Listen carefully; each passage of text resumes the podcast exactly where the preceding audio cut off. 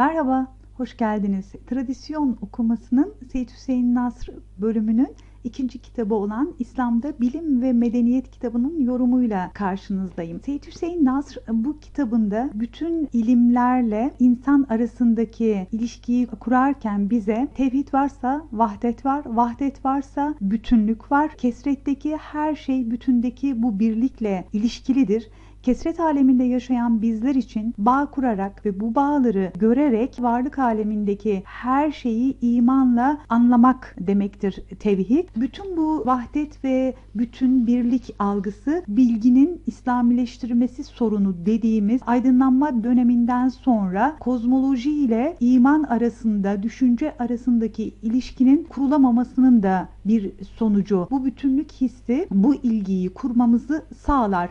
Seyit Hüseyin Nasr bize yeryüzünde seküler bir alan yoktur. Yani yaratılmış olan şeyin yaradanla arasındaki ilişki onun seküler din dışı kalmasına izin vermez. Bu bakış açısı seküler bir algının sadece zandan, vehimden ibaret olduğunu söylüyor bize. İşte bilgi de bizim kozmolojik alanla, evrenle irtibatımızda elde ettiğimiz bilgi yaratıcının yarattığını yaratma sebebine doğru yolculuğumuzun adımları. Ya Rabbi sen bunu boşuna yaratmadın veya eşyanın hakikatini bana göster diyen ayet ve hadislerde bizim yaratılmışlarla kuracağımız ilişki onun yaratılış sebebiyle ilgili yolculuğumuzun adımları. Biz modern dönemlerde yaratıcısıyla ilişkisi kesilen bir türe dönüşmesi bizim bilgiyle aramızdaki ilişkiyi etkilememeli diyor Seyit Hüseyin Naz. Bilimi yok edenler gerçekte dinin altını oyarlar. Yani varlık aleminin kutsalla ilişkisini keserler. Bizim bilimle ve bilgiyle bir sorun yaşadığımız bunun modernizmin eseri olduğu, batının eseri olduğu olduğu Batı ile İslam arasında yaşanan hem güncel sorunlar hem de tarihsel sorunlar bizim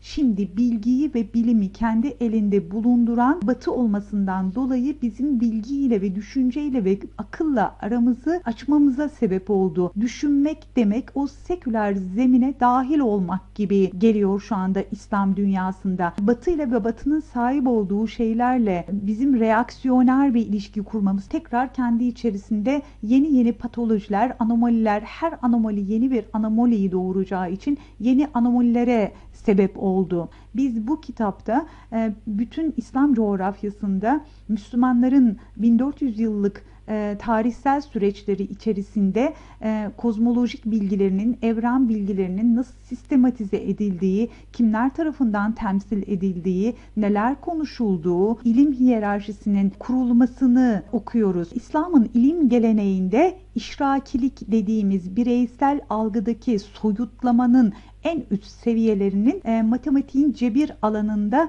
çok büyük başarılara imza atmış insanların e, sahip olduğu seviyeler olarak görüyoruz. İslam'ın soyutlama alanının temsilcilerinin matematik yetkinlikleriyle karşı karşıyayız. Bizde var olan sembolik değerleri gaybe imkan hazırlayan, gaybi alanlarımız olan o duyusal alanlar, o mahsus alanını sembolik ifadelerle makul yapabilmek, aklileştirebilmek, anlatabilmek ve tanımlayabilmek ve kavramsallaştırabilmek için aklın çalışma biçimi diyebiliriz ve matematikte bunun için çok iyi bir zemin hazırlıyor. Dil de öyledir. Dili kullanma biçimimiz de mahsusu makul yapabilmek için bir aşamadır. Tevhidin felsefik e, düzeyiyle yeryüzüne bakarsak eğer gerçeğin kademeli bir şekilde hiyerarşik yansıdığını görürüz. Biz idrak biçimleri diye, idrak dereceleri diye sürekli tekrar ettiğimiz bu kavramsallaştırma gerçeğin kademeli yansımasının insan aklındaki tezahürü. Pozitivist bir algı, rasyonel bir algı, irrasyonel bir algı ve soyut bir algı. Böyle baktığımızda aklın dereceli olarak yansıması. Biz dikey derecelendirmenin düşünme biçiminin asli unsuru olduğunu söylediğimiz bu tradisyon okumasında aynı şekilde bu dikey parametreyi insan hayatındaki her aşama, her algılama biçimi için birbirleriyle geçişken bir şekilde okuyoruz bu kitapta. Yeryüzünde kendi içerisinde bütünlük taşıyan her anlamlandırma biçimi bu dikey e, parametreleriyle birbirleri arasında dönüştürülebilir, tercüme edilebilir ilişkilere de sahiptir. İşte biz bunu en çok simyada görüyoruz. İslam'ın e, düşünme biçiminde matematikteki rakamların bize göre niceliksel bir ifade olmasına rağmen aynı zamanda kitapta belli bir anlama dönüştüğünü, aynı zamanda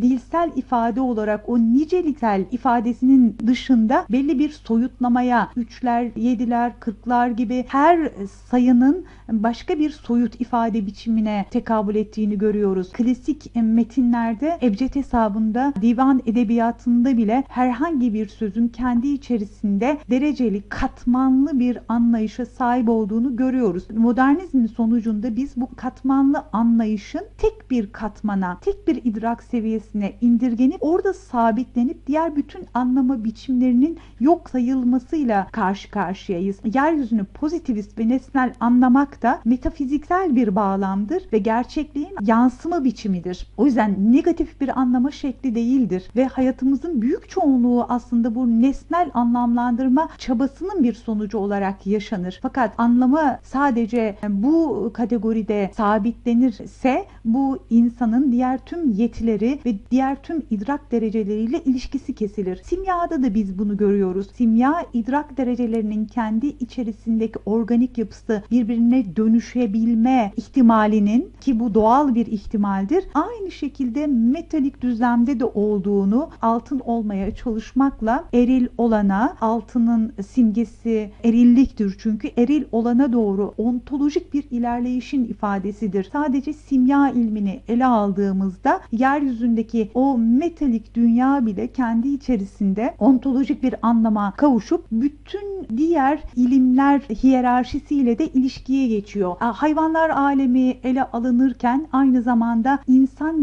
nefsinin kademeleri hayvanlar aleminin ele alırken elde ettiğimiz bilgilerle geçişken bir şekilde anlaşılıyor. Yani yeryüzünde her nereyi bilgiyle anlamaya çalışıyorsak aynı zamanda insana uğruyor. İnsana uğradığından dolayı da ortaya çıkan şey ontolojik bir değer taşıyor, anlam taşıyor ve o bilgiyle bilen arasındaki ortaya çıkan ilişkideki bilgi de parçalanmış olmuyor. Kitapta İslam ilimlerinde insanı araya koyan kişi üzerinden ilmi tarzda ve yöntemde de gene bilginin bilgileşerek epistemik bir şiddete dönüşmesi, nesnelleşmesi, insanla kişi merkezli olunca yani tekstle kitapla aranıza hoca, insan ve sizden idrak seviyesi bir yüksek olan o derece araya girince e, aynı zamanda da metin canlılık kazanır. İşte İslam ilimleri yöntem olarak da insan merkezlidir. Bütün ilimler hiyerarşide insanla ilişkilendirebilmek ve insanın Rabbine doğru yolculuğunda onun bir basamağı olması da bu bütün ilimler arasındaki geçişkenlik ilişkisini kurabilmekle ilgilidir. Bu da tevhidin felsefik anlaşılmasının bir sonucudur. Multidisipliner bir dünyaya doğru evrildiğimiz o bütünlük hissi ilimler arasında ilmi seviyeye yükseldikçe geçişkenlik ihtiyacı hissedecek. Bir bütün hissiyle çözümleme gereği hissedecektir. Bu multidisipliner çaba aslında tevhidin felsefik yönünün modern dünyada insansı bir çabayla giderilmeye çalışılmasının bir göstergesi. Hegel tikelci yaklaşımla tümele yani sonsuz sayıda tikel birleştirilerek tümele ulaşılamayacağını söylüyor. Biz zaten tümden gelimsel bir yöntem okuyoruz. Yani biz metafiziksel alana fizik sonrası algı diyoruz ama fizikten önceki algının fiziği oluşturmasından bahseden bir algılama türü. Fizik kendisini oluşturan ve yaradığını temsil temsil eder ve o yüzden de fizikle kurulan ilişki de aynı zamanda yaradanla kurulan ilişkidir. Biraz önce bütün ilmi dalların insana uğrarken aynı zamanda insanın us seviyesinde yani aklın en düşük seviyesi olan kıyas ederek mantığın en düşük seviyesi olan o niceliksel anlama biçimindeki o araçsal aklın seviyesinden entelektüel sezgi dediğimiz vahye muhatap olan yani mahsusu duyular duygular alemini anlaşılabilir, anlatılabilir bir seviyeye getirebilecek o aşkın akla, entelektüel sezgiye, kalbi akıl seviyesine kadar akıl da kendi içerisinde hiyerarşiktir. Her akıl seviyesi kendi doygunluğuna geldiğinde bir sonraki aşamayı doğurur. Bizim sınıf çatışması dediğimiz modern dünyada karşılaştığımız sınıflar arası geçişkenliği ortadan kaldıran mekanik bir dünya olgusunun karşısında organik geçişken idrak seviyelerin aynı şekilde toplumsal yapıda da görünür. Toplumsal yapıda oluşmuş olan sınıflar arasında da geçişkenlik vardır. Bu algıyla aslında organik bir dünya, organik bir insan ilişkisi, organik bir tasavvurdan da bahsediyoruz. İnsan organizma meydana getiremiyor. Ee, insan mekanizma yapabiliyor. Organizmayı ise Allah yaratıyor. İşte yeryüzünü organik olarak algılamak aynı zamanda Tanrı ile ilişkili algılamaktır. Mekanik bir dünya tasavvuru ise e, geçişkenliği engelleyen, kendi içerisindeki canlılığı öldürmesinden dolayı zulüm algısı da bu mekanikliğin sonucunda bir mahkumiyet ve bir kölelik e, hissi meydana getirir. Şirkin zulüm doğurmasının sebebi onun mekanik algısıdır. Organik hiçbir yapı kendi içerisinde zulmü uzun vade devam ettiremez. O organik yapı şirkin gücü için giderici bir özelliktir aynı zamanda. Organik yapı tahakküm altına alınamaz çünkü. Biz bütün bilgi alanları arasındaki geçişkenliği ben acizane izlediğim bir filmde şöyle algılamıştım. Büyük bir ihtimalle dedim tatla koku ve ses arasında da bir geçişkenlik vardır. Yani limonun ekşi olmasıyla sarı olması ve şekli arasında da bir ilişki vardır. Biz henüz e, renklerin, sesin ve şeklin hakikatiyle bir ilişki kurmadığımızdan dolayı biz herhangi bir cisimi kendi hakikatiyle Rabbinin katındaki gerçekliğiyle anlamadığımızdan dolayı bunlar arasında ilişki kuramıyoruz. Mesela insan da öyle. İnsan kendisine aynada baktığında bu ses bu akılla bu hayat hikayesiyle bu ağza, bu burna veya bu geçmişe veya bu ellere sahip olmalı dediğimiz yaşadığı gerçekle kendi fiziği, kendi ahengi arasında o bütünlük ilişkisini görmekten bahsediyorum. Eğer yok bu bütünlük hissini kaybederseniz her organınızla derde düşer ve bu bütünlük hissindeki yerini kaybettiğinizden dolayı kendinizi o tikel olanla, o bütünden çıkartıp hoşunuza gitmeyen organla ifade ederseniz insanlık onuruna da haysiyetine de bir hakaret, bir düşme, bir düşüş. Alemin zihninin Darul İslam olduğunu görüyoruz. Darul İslam demek alimin zihninde her şey yerli yerinde kendi hak ettiği kadar hak ettiği önem ve değerde yer alır. Lütfen bir puzzle gibi düşünün veya legolar gibi her şey oturması gereken yerdedir. O yüzden de e, bir anarşizm yoktur o aklın içerisinde. Her şey olması gereken yerdedir birbirinin alanlarına tecavüz eden ortamlarda ve durumlarda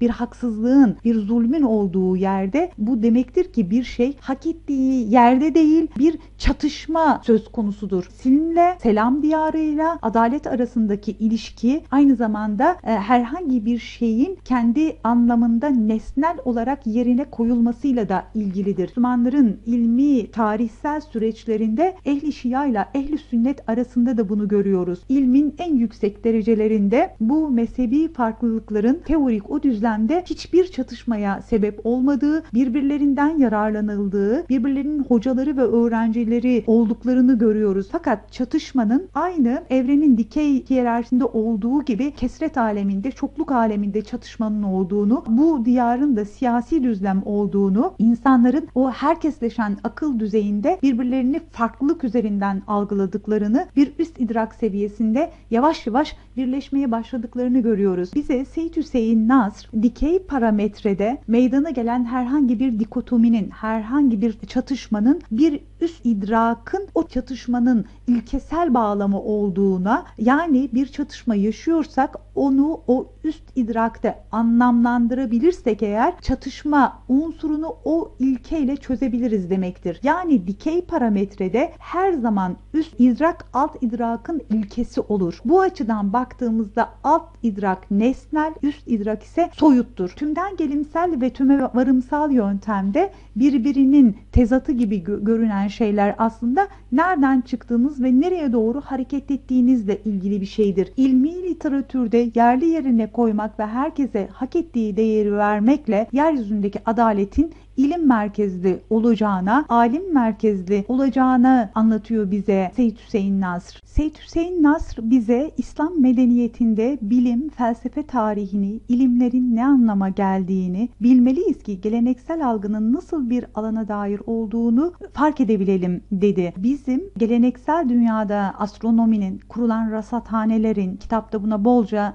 yer verildi, ilim hiyerarşisinin, medreselerde öğretilen ilimlerin, alet ilminden e, tutun da yorumlayabilme kabiliyetine kadar ilimlerin kendi içerisinde kategorize edildiğini ve bu ilmin geleneksel dünyada ne anlama geldiğini bilirsek eğer çünkü biliyoruz ki İhsan fazla olduğu gibi Seyyid Hüseyin Nasr da ilmi bütünlüğün sağlandığı o tarihsel dönemlerdeki hayat görüşü alınabilir ve yaşadığımız e, yüzyılda canlı ve organik hale getirilebilir ve biz o bütünlükteki kavramsal düzeye erişebilmek için aslında İslam'da Bilim ve Medeniyet kitabını okuyoruz. Seyyid Hüseyin Nasr'ın amacı bu. Biz kitapta motto olabilecek bir cümleyi görüyoruz. O da iyi en iyinin düşmanı olmamalı. Yaşadığımız dönemde siyasi olarak da öyle insanlar muhafazakar bir akılla ehvenişerci olarak iyiye doğru en iyiye doğru gidişi durdurarak ehvenişeri gerçekleşmiş şer olarak düşünürsek bunun tehlikesini fark etmemesi dikey parametredeki mutlak iyiye doğru gidişi durdurduğuna dair tehlikeyi bize işaret etti Seyyid Hüseyin Nasr. İnsanı kamili logos olarak okuduk. Teorik olarak insanı kamili e, nefsindeki kaosu akli melekelerini kullanarak aşkın aklını, entelektüel aklını kullanarak o kaosu kozmoza çevirebilen insan diyebiliriz. Var olan kendi içsel dinamiğindeki çatışmaların hepsini ilkelerle kozmoza çevirip oradaki sulhü sağlamış insandır. Bu açıdan böyle baktığımızda içsel bütünlüğünü sağlamış insanlardan bahsediyoruz. O içsel bütünlüğünü sağlayan insanların yeryüzüne vaat ettiği ve inşa ettiği şey de adalet olarak tezahür edecektir. K parametrede insanla, insanın bütün aşamalarıyla yeryüzüne dair bilginin geçişken olarak ilişkilendirilmesi, bilginin ahlaktan, insani özelliklerden bağımsız bir şekilde büyümesine, gelişmesine, seküler bir algıya mahkum olmasına da izin vermez. Dünyada ahlakla ontolojik bağı kesik, bilginin sekülerleşmesi dediğimiz şey ilimler arasındaki hiyerarşinin birbirleri arasındaki geçişkenliğinin yok olması, o bütünlük hissinin yok olmasıyla ilgili bir şey. Bu bakış açısıyla Müslümanların bilgiyle hiçbir sorunu olamaz. Hatta bilgi kesret içerisinde vahdetin farkındalığı için yani teoloji, kozmoloji ve ontoloji üzerinden bakarsak eğer insanın kendisini yaratanla, tanrısıyla ilişkisi için bütün yeryüzü yaratılış kıssasında olduğu gibi ona hizmet etmektedir. Böylelikle onlarda kendi ontolojik değerine, varoluşsal yaratılma sebeplerine dönüşmüş olacaktır. Marifet, gnosis bütün teolojik algılamalarda en yakin bilme şeklidir. En kesin bilme şeklidir. Pozitivizm, nicelik bilgisi en kesin gibi algılanmasının sebebi daha üst idrakların yok sayılmasıdır. Marifet üzerinden bilme kesin ve yakin bilgi, yakin bilgi de yaşamsal olanla ve tecrübe edilenle halin içerisinde içkin olması, yaşamla ortaya çıkan olması hasebiyle de baktığımızda İslam'ın neden amel merkezli, neden rasyonel merkezli olduğu da ortaya çıkar. Yaptığınız şeyi en yüksek derecede bilirsiniz. Dinlediğinizi, okuduğunuzu nispeten. O yüzden bilme kendi içerisinde derecelendirilirken biz okuduğumuz bu geleneksel kültürde yakinen bilmek en yüksek derecede halle iki insan arasındaki ilişkide ortaya çıkan yüksek ilkesel düzey en yüksek rasyonelliğe sahiptir. İslam'ın bir tohum olarak peygamberimizin yaşadığı dönemde toprağa ekildiğini, toprakla irtibatını lütfen mekanla ilişkisi ve rasyonelite ile ilişkisini, gerçekle ilişkisi düzeyinde düşünün lütfen. Sonra tevhidin bir gövde olarak filizlendiğini, daha sonra dallarının ise İslam ilim geleneğinde ortaya çıkan ilim çeşitliliği olduğunu, artık tekrar İslam bir tohummuş gibi davranmamamız gerektiğini söyledi Seyyid Hüseyin Nas. Ağacın dallarını ilimler olarak düşünürsek eğer lütfen meyveleri de e, medeniyet olarak düşünün. İnsanın yararına sunulan, insanın faydasına olan çıktılar diye düşünün lütfen. Bu sembolik ifadede dallardan herhangi birinin ağacın bütünlüğünü bozucu veya dengesini bozucu bir büyümesine asla izin verilmemiştir. İşte biz modernizasyonda dallardan herhangi birinin araçsal insan aklına hitap eden bilginin ilmin bütünlüğüne galebe çaldığına ve o dengeyi bozup batıda teolojik ağacın yerle bir yıl edildiğini görüyoruz. İlimler arasındaki bağ ve bu bağların en sonunda insana ve insanın kendi içsel hiyerarşisine ve dışsal hiyerarşisi ile ilişkilendirilebilmesi de bu dallardan herhangi birisinin kendi haddini aşarak gövdeye ve ağacın tamamına rakipmiş gibi olmasını engelliyor. Yani bağlar ilişkilendirebilmek hızı ve büyümeyi engeller. İnsan bütün bağlarından azat ettiğinde kendisi egosu ve kibri büyür. Bütün bağlarla kendisinin bileşenleriyle kendisini ifade ettiğinde kendisi kendisinin haddini bilir. Kitapta bizim için çok önemli bir paragraf var. Bunu mutlaka okumalıyım size. 230.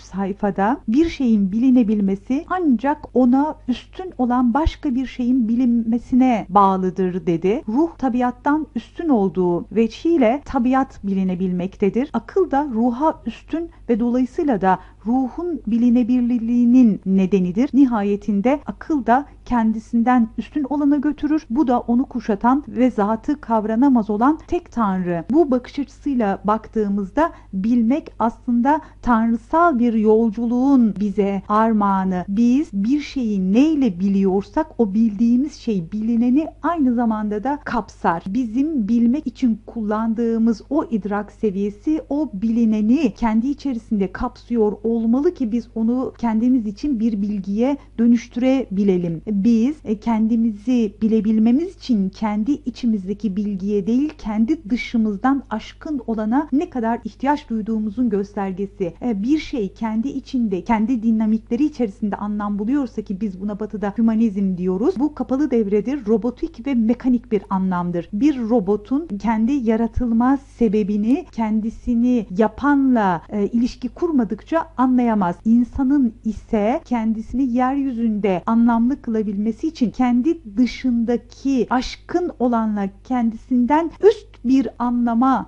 ihtiyacı vardır. İnsanın insan olabilmesi için Tanrı'ya ihtiyacı vardır. İnsan olarak, eşrefi mahlukat olarak anlamlı olabilmesi için değilse insan anlamını kendi içinde bulursa eğer beşer düzeyinde kalacaktır. İmanla insan olmak arasında Tanrı'nın varlığıyla insanın yeryüzünde ontolojik en yüksek anlam seviyesi olmasıyla bir ilişkisi vardır. İnsanlık haysiyeti için Tanrı'ya ihtiyacımız var. İnsan olabilmek için inanmaya ihtiyacımız var. Seyyid Hüseyin Nas kitabın 314. sayfasında Allah'tan başka ilah yoktur sözü halkın tevhididir e, dedi. Beş değişik şekilde, beş değişik idrak seviyesinde tevhidin ne anlama geldiğini söyledi. Alev Alatlı demişti ki bizim imanımız İmam Gazali'nin anladığı türevde bir iman mı? Yani bir cümleyi söylemiş olmak aynı şeyi kastetmek değil, aynı cümleyi söylemiş olmasına rağmen o idrak derecesindeki algı kadar söyleyebiliyor. Modern zamanlarda yaşadığımız bilgi sorunumuzu Seyyid Hüseyin Nasr İslam'da Bilim ve Medeniyet kitabıyla bir açıklık getirmeye çalışıyor. Kadim geleneği kendimize ham madde yaparak biz bu anlamlandırmada e, yeryüzündeki bütün alemi bilmemizi onların cennetteki hallerine doğru bir yolculuk olmasıyla bilmenin her türünün ve her aşamasının aşamasının metafiziksel ilişkisinden dolayı kutsalla ilişkisi olduğunu, ilimler hiyerarşisinde ve ilim tarihimizde bu ilişkinin hiç kopmadığını ve bilgiyle kutsal arasındaki ilişkinin kopmasının aynı zamanda ilkelerle ve ahlakla ilişkisinin ve insanın varoluşuyla ilişkisinin kopmasının müsebbibinin kadim dünya olmadığı ve bunun aydınlanma sürecinden sonra batının bu modernizasyonun kendi içerisinde oluşturmuş olduğu bir sorun olduğunu, bizim Müslümanların bilgiyle hiçbir sorunumuz olamayacağı, bilginin sekülerleşmemesi için bizim tekrar yaratılmış olan alemin yaratıcısıyla ilişkisini kurarak kendi ilmi geleneğimizden bütünlük ve idrak çıkartabileceğimizden bahsediyor. Bizim için önemliydi. Birçok ilmi geleneğe kendi gerçekliğinde şahitlik ettik. Birçok isim ve aynı zamanda e, bizim için ki biz de modern dönemin evlatları olarak yabancı olan bir ki kadim dünyanın bize yabancı olması bizim için çok üzücü bir şey aslında. Umarım bir şeyleri yerli yerine koymamız için bir parametre olmuştur bu kitap ve yorumu. Önümüzdeki hafta yeni kitabımızla tekrar buluşmak üzere. E, Beni dinlediğiniz için, eşlik ettiğiniz için çok teşekkür ederim. Hoşçakalınız efendim.